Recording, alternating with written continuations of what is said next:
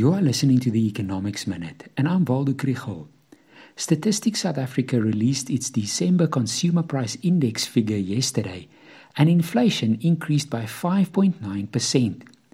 Economists expect an increase in the repo rate at next week's meeting of the Monetary Policy Committee. What makes the Reserve Bank's decision difficult is that inflation dynamics in South Africa is different from developed economies. In the US, the economy is growing strongly and they're almost at full employment. Wages and salaries are rising. Then it makes sense to hit the brakes with higher interest rates. In South Africa, subdued consumer demand and lower growth have been helping to keep inflation in check. Here, it's fuel and food prices that are causing inflation. Will higher interest rates help?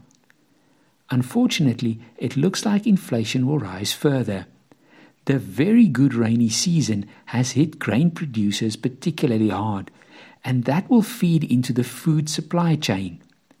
The Brent crude oil price is back over $80 a barrel this year, actually closer to 90 yesterday. And the rand is riding a seesaw in a volatile forex market.